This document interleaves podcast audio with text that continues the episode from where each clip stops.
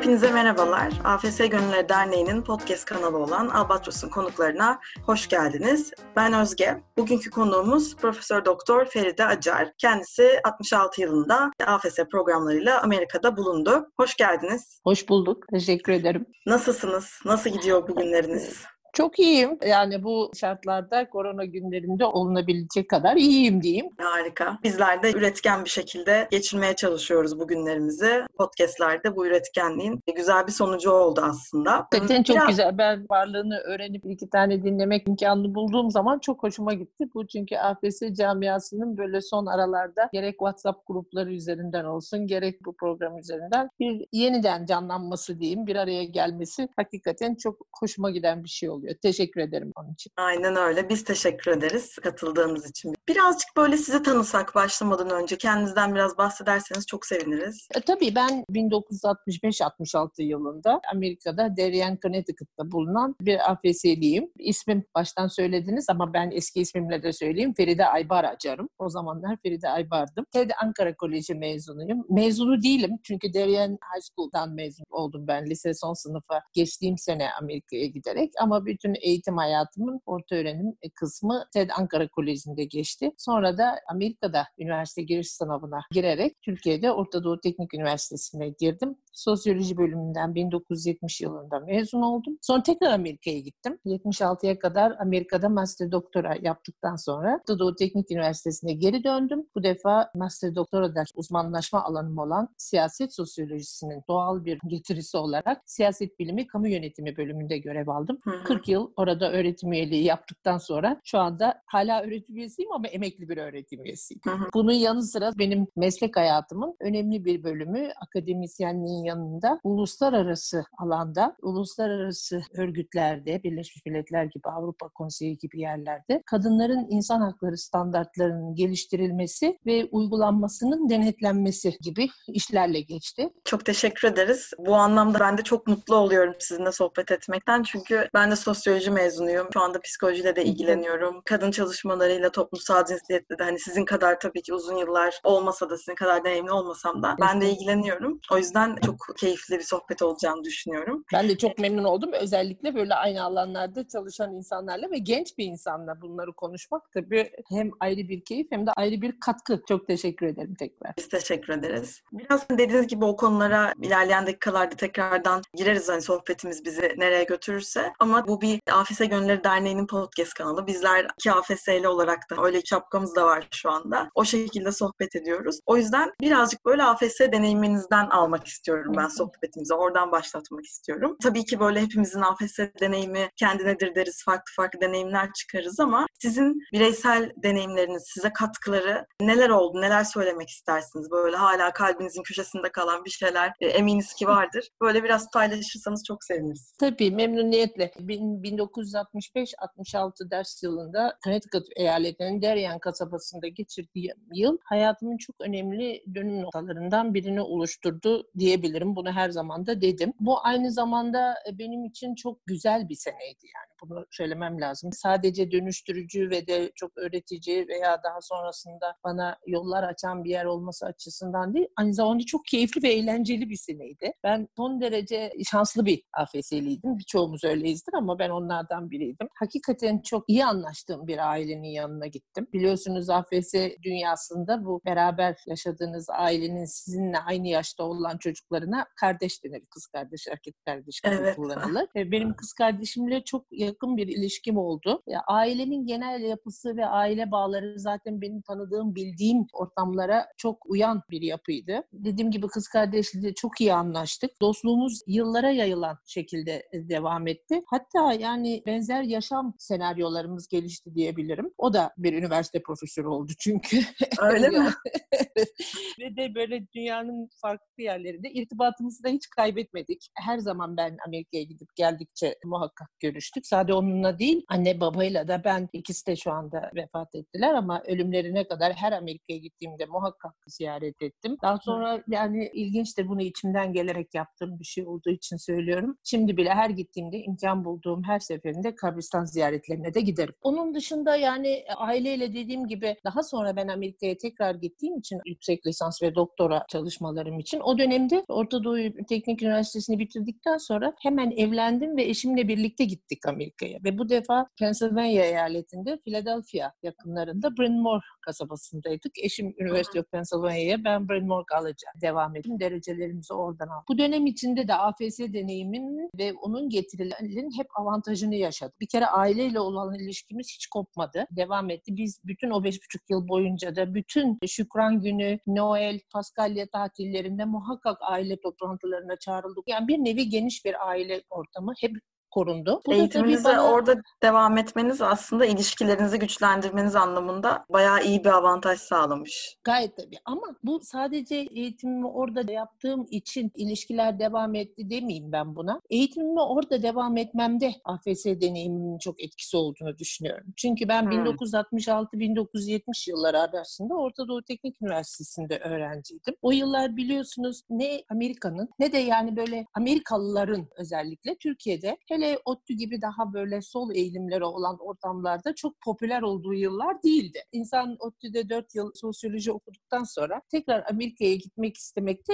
soru işaretleri doğabilirdi kafasında. Pek çok insanın da ben biliyorum doğdu. Çünkü Amerika Birleşik Devletleri karşıtlığı o yılların temasıydı. Ama benim için öyle olmadı. Çünkü ben Amerika'nın başka bir yönünü tanıyordum. Ve benim orada bir ailem vardı. O da bu kararı almamda etkili oldu. Ayrıca daha önce AFS deneyiminde gittiğim okul yani Darien High School çok üst düzey kriterleri olan bir okuldu. Oradan mezun olan herkes en iyi üniversitelere giderdi. Dolayısıyla benim daha o lise yıllarımdan aklımda Amerika'da hani gidilecek üniversiteler yahut işte neresi iyidir, neresi daha hangi bakımlardan uygundur şeklinde bir yerleşik fikir oluşmuştu. Dolayısıyla ben AFS deneyimimin daha sonraki eğitim hayatımı şekillendirmekte önemli olduğunu düşünüyorum. Ama sadece o değil, aynı zamanda zamanda seçtiğim alanı da etkiledi biliyor musunuz? Ben sosyoloji okudum. Sonra da siyaset sosyolojisine döndüm. Hayatımda bu konularda aldığım ilk ders Darien High School'daki Contemporary Social Issues diye bir dersti. Ve çok hoşuma gitti. O dönemin güncel konularının böyle bilimsel bir perspektiften tartışıldığı bir lise dersi bu tabii ama ileri standartları olan bir liseydi. Dolayısıyla beni çok teşvik etti ve daha sonra pek çok başka alternatifim de olabilirdi ama illaki sosyoloji okumak istedim. ve de Süper, dolayısıyla güzel. öyle bir etkisi de oldu bende. Yani bunun benim kişisel aile geçmişimde birleşen bir tarafı da var. Ben politikacı bir babanın kızıyım. Dolayısıyla yani bana çok yabancı alanlar değildi ama hı hı. farklı bir şey okuyabilirdim. Amerika'daki o Contemporary Social Issues dersini almamış olsaydım.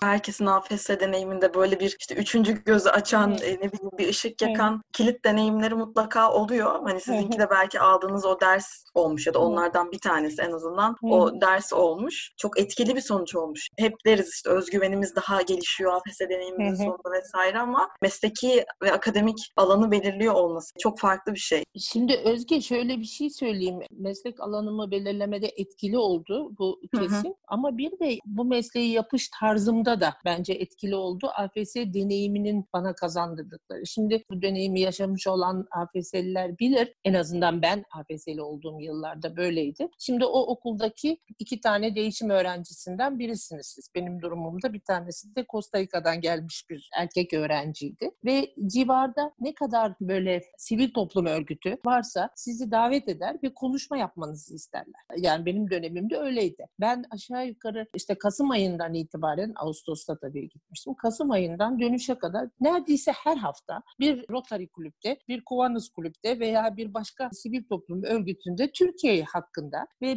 değişim öğrencisi olmanın neler getirdiği, ne zorluklar olduğu falan gibi konularda konuşmalar yaptım. İlk başta böyle Hı-hı. bir şey yapar mısın dedikleri zaman çok korktum ve çok çekindim tabii yani. 17 yaşında bir kızsınız. İlk defa ömrünüzde yurt dışına gitmişsiniz ve ne olursa olsun İngilizce biliyordum ben gittiğimde de ama gene ana diliniz olmayan bir dildi ve de koca koca erkeklerin, erkeklerin bunun altını çizerek söylüyorum olduğu kulüp ortamlarında böyle ciddi bir takım konularda konuşmalar yapacaksınız. Bu zor bir şeydi ama alıştım, sevdim ve de bu bana bir özgüven de kazandırdı diyebilirim. Onda da çok büyük etkisi oldu diyebilirim. Bu altını çizdiğiniz yerin altını bir daha çizmek istedim ben.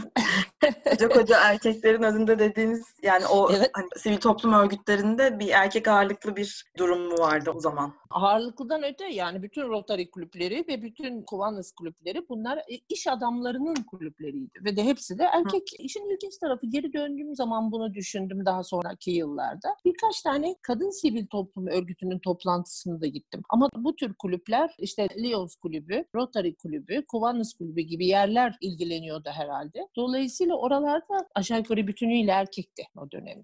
Yani bütün bunların bazı şeyleri sorgulamada insanın hayatında etkisi olduğunu da düşünüyorum. Mutlaka. Mutlaka. Yani sadece sivil toplum örgütlerinde değil, günümüzde hala politikada, siyasette hem Türkiye'de hem dünyada zaten bir erkek ağırlığın olduğunu görüyoruz hani sayıca baktığımız evet. zaman. Belki artık sivil toplum örgütleri öyle değil ama maalesef siyasette bu şekilde olduğunu görüyoruz. Demek ki o da o deneyimde alttan alta size bir mesaj vermiş olabilir. Bir sorgulama yaşatmış Bilmiyorum, olabilir. Şuur altımda o da bir etki yaptı mı o kadarını bilemem ama özgüven kazanmamda ve uluslararası ortamda rahat hareket etmemi sağlamada AFS deneyiminin çok büyük etkisi olduğunu her zaman kabul ettim, söyledim. Bir de insan dünyanın değişik yerlerinde hayatımın ileri aşamalarında gördüm. Gittiğiniz pek çok yerde karşınıza AFS'liler çıkabiliyor. Ben ta 90'lı yılların ortasında ilk defa Birleşmiş Milletler kadınlara karşı ayrımcılığın engellenmesi sözleşmesini denetleyen bu SEDAV komitesine seçilip oraya Türk üye olarak katıldığım zaman ilk toplantıda tabii işte biyografiler okunuyor falan. Alman üye bana geldi. Dedi ki EFS'liymişsin. Ben de EFS'liyim dedi. Ve böyle o anda o benden daha da büyüktü. O 1950'li yılların,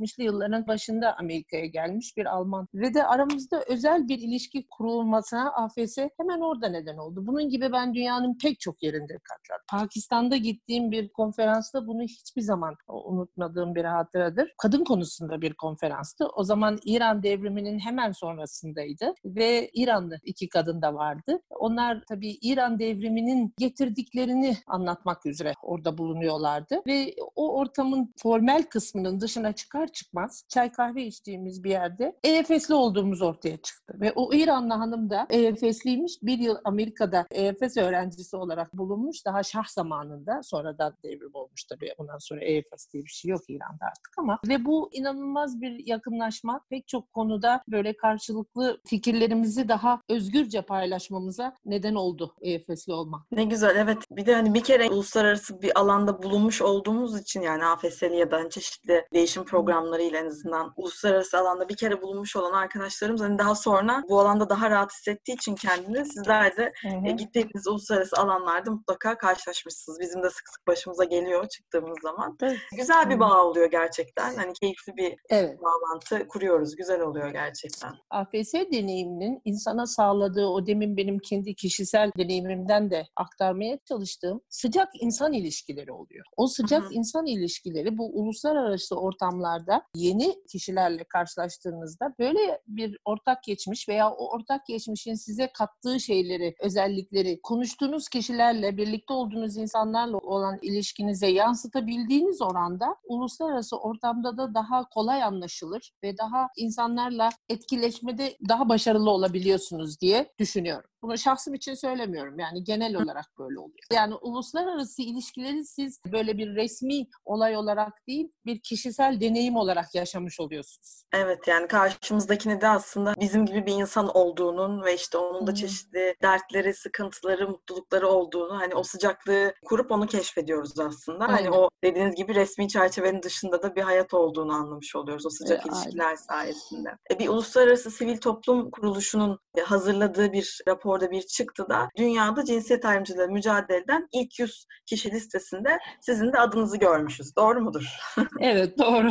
doğru. Bundan iki yıl önce oldu o ve de öyle bir değerlendirme yapmışlar. Sağ olsunlar. Beni de dahil etmişler. Tabii çok gurur duydum açıkçası. Çok güzel. Çok hani bu ederim. zaten sizin de deneyiminizi ölçmek için böyle bir şey ifade etmeye bile gerek yok. Hani yıllardır çeşitli çalışmalarınız olmuş ama böyle şeyleri özetlemek çok zordur. Ama sizden yine de böyle küçükleriniz varsa Türkiye ile ilgili işte özellikle hani gençlerin çalıştığı, bulunduğu alanlarla ilgili tespitleriniz varsa biraz duymak çok isteriz. Böyle bizi dinleyen arkadaşlarımızın da esinleneceği ya biz de aslında böyle bir şey yapabiliriz işte biz yurt dışı deneyimi olan insanlar olarak şuradan bakabiliriz bu duruma diyebilecekleri böyle bir şeyler söyleyebilirseniz çok seviniriz. Valla benim yurt dışı deneyimim tabii iki yönlü oldu. Kısaca özetlemem gerekirse bir akademisyen olarak insan tabii ki hele Orta Doğu Teknik Üniversitesi gibi bir üniversitede akademisyen olduğunuz zaman doğal olarak dış dünyaya açık oluyorsunuz. Ve yani akademik dünyada da bir takım ilişkiler içerisinde oluyorsunuz. Ben daha sonraki yıllarda özellikle kendime seçtiğim çalışma alanı da kadın çalışmaları alanı olduğu için kadın çalışmaları alanında akademik dünyayla ilişkilerim tabii ki mesleğimin gereği olarak gelişti. Ama dediğim gibi onun yanında biraz benim AFS'den gelen işte birikimin sonucu bu işlere daha yakın olmam. Biraz da belki tesadüfler sonucu. Bu uluslararası örgütlerin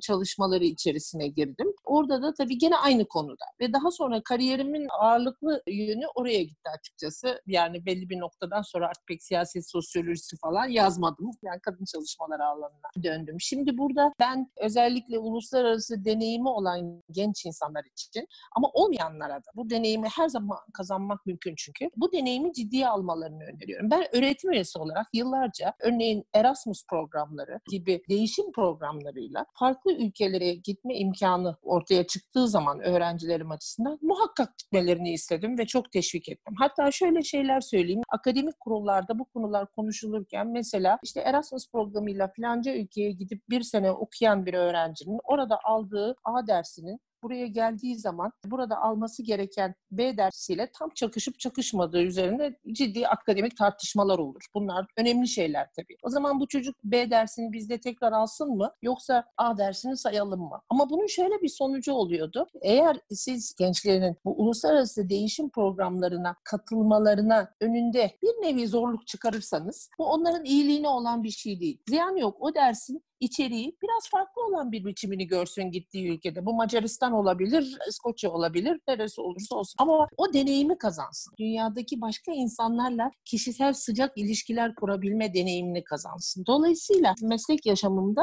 bunun etkisi olduğunu düşünüyorum. Şimdi kadın çalışmaları alanına girmemesi daha farklı etkilerin e, sonucunda oldu ama onu da hep uluslararası ortamda yaptım. Uluslararası standartların geliştirilmesi Birleşmiş Milletler'de ve Avrupa Konseyi'nde ve bu bunların değişik ülkelerde nasıl uygulandıklarının denetlenmesi e, komitelerinde yer aldım ben. Bu da tabii çok AFS deneyiminin tersine bu böyle çok yukarıdan bakan ve genel bir resmi insana gösteren deneyimlerdi bunlar. Dolayısıyla o sıcak insan ilişkileri birebir olan yabancılarla diyeyim olan irtibatlar benim uluslararası örgütlerde gördüğüm tabloya renk katan, onu bana insani doyutlarıyla onları algılayabilmemi sağlayan bir arka plan sağladı. Yani şunu demek istedim. AFS deneyimini yaşamış olmaktan ötürü bir arka planım vardı. Bu arka planın üzerine böyle daha konulara çok daha dünya ölçeğinde ve genel olarak bakma fırsatını veren uluslararası örgütlerde çalışma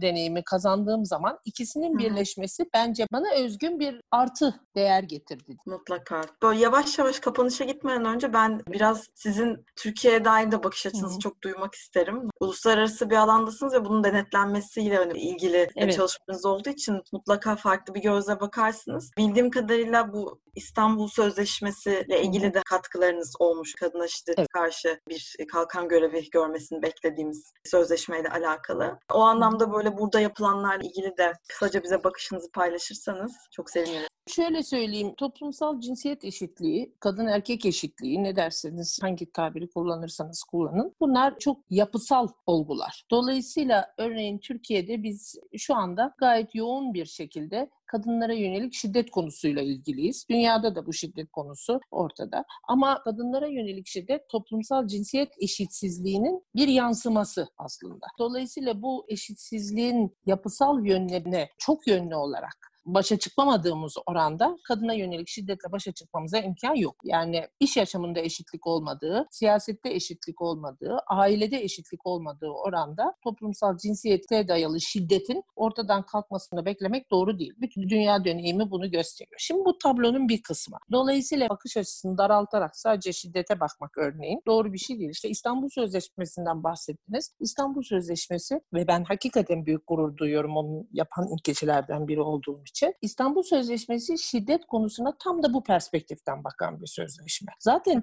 sanıyorum bazı ülkelerde şimdi bizim memleketimizde de çeşitli gruplar İstanbul Sözleşmesi'ne karşı çıkmaları da bundan ötürü. Yani sadece bu şiddetle toplumsal yapı bağlantısından ötürü, bunu açıkça koyuyor olmasından ötürü. Çünkü bunun toplumun bir takım önemli kurumlarını, değerlerini zedeleyeceğini düşünüyor bazı insanlar anladığım kadarıyla. Başta aile kurumu olmak üzere. Halbuki bu hı hı. hiçbir doğruluğu olmayan bir varsayım, bir iddia. Çünkü tam tersine eşitlikçi aileler, şiddetin olmadığı aileler oluyor ve şiddetin olmadığı aileler ancak mutlu ve istediğimiz toplumun direği olan aileler. Yani burada biraz bu parantez açarak İstanbul Sözleşmesi konusunu söylemek istedim. Yani böyle İstanbul Sözleşmesi'ne yönelik bu tür aileye karşı aile kurumunu zedeleyecek bir sözleşme olduğunun düşünülmesi çok yanlış bir şey. Böyle bir şey yok bir kere. Bunu tam tersi bir yaklaşımı var. Şimdi gelelim toplumsal cinsiyet eşitliği meselesine. Türkiye hakikaten çok karmaşık bir toplum ve de çok özgün deneyimi olan bir toplum. Türkiye dünyada eşi benzeri görülmemiş toplumsal cinsiyet reformlarını yapmış bir ülke ve bunu başarıyla Cumhuriyet döneminde Cumhuriyet reformları böyle reformlar. Aha, şu anda hala onlar yeterli mi? Değil tabii ama döneminin topyekün değiştirici niteliği olan reformları.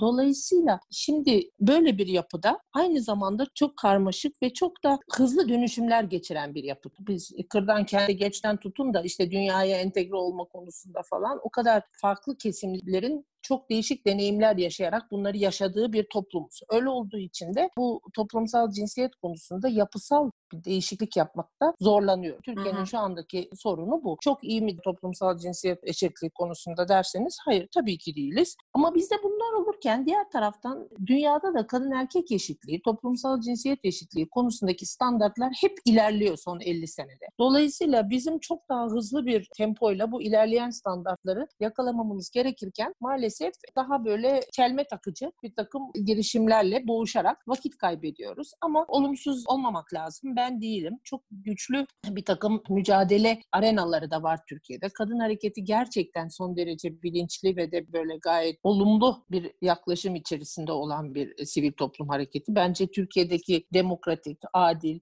hukuka saygılı bir düzenin yerleşmesi için en önemli katkılardan birisi kadın hareketinden geliyor. Onun için de bazen kadın hareketi çok olumsuz reaksiyonlar alıyor. Ama bunlarla uğraşarak başa çıkacağız. Ben 40 senedir uğraşıyorum. Sizler bundan sonraki kaç sene uğraşacaksınız. Gençler hakikaten her manada umut kaynağımız. Bitirirken bir tek şunu söyleyeyim. Yani gençler umut kaynağımız ama bu madem AFS camiasını odağa alan bir görüşme oldu. Ben böyle çok kritik yaşlarda, çok genç yaşlarda böyle AFS'nin sağladığı gibi, diğer değişim programlarının sağladığı gibi özgün deneyim yaşamış olan gençlerin hem bunun kıymetini bilmesini hem de onların kendi birikimlerini kadın hareketine ve de Türkiye'nin dönüşümüne daha fazla katmalarını diliyorum. Peki çok teşekkür ediyoruz keyifli sohbet için, güzel bilgi paylaşımlarınız için, AFS deneyiminizi bizimle paylaştığınız için teşekkür ederiz. Benim için çok keyifli oldu umarım. Sizin için de öyle olmuştur Feride Hocam. Sağ olun. Benim için de öyle. Ben çok teşekkür ederim. Beni davet ettiğiniz için çok teşekkür ederim. Bunca sene sonra böyle AFS camiasıyla bir ilişki kurabilmek de çok çok hoşuma gitti. Ne güzel oldu. O zaman teşekkür ediyoruz. Bizi dinleyenlere de buradan selamlar, sevgiler gönderiyoruz. Kendinize iyi bakın.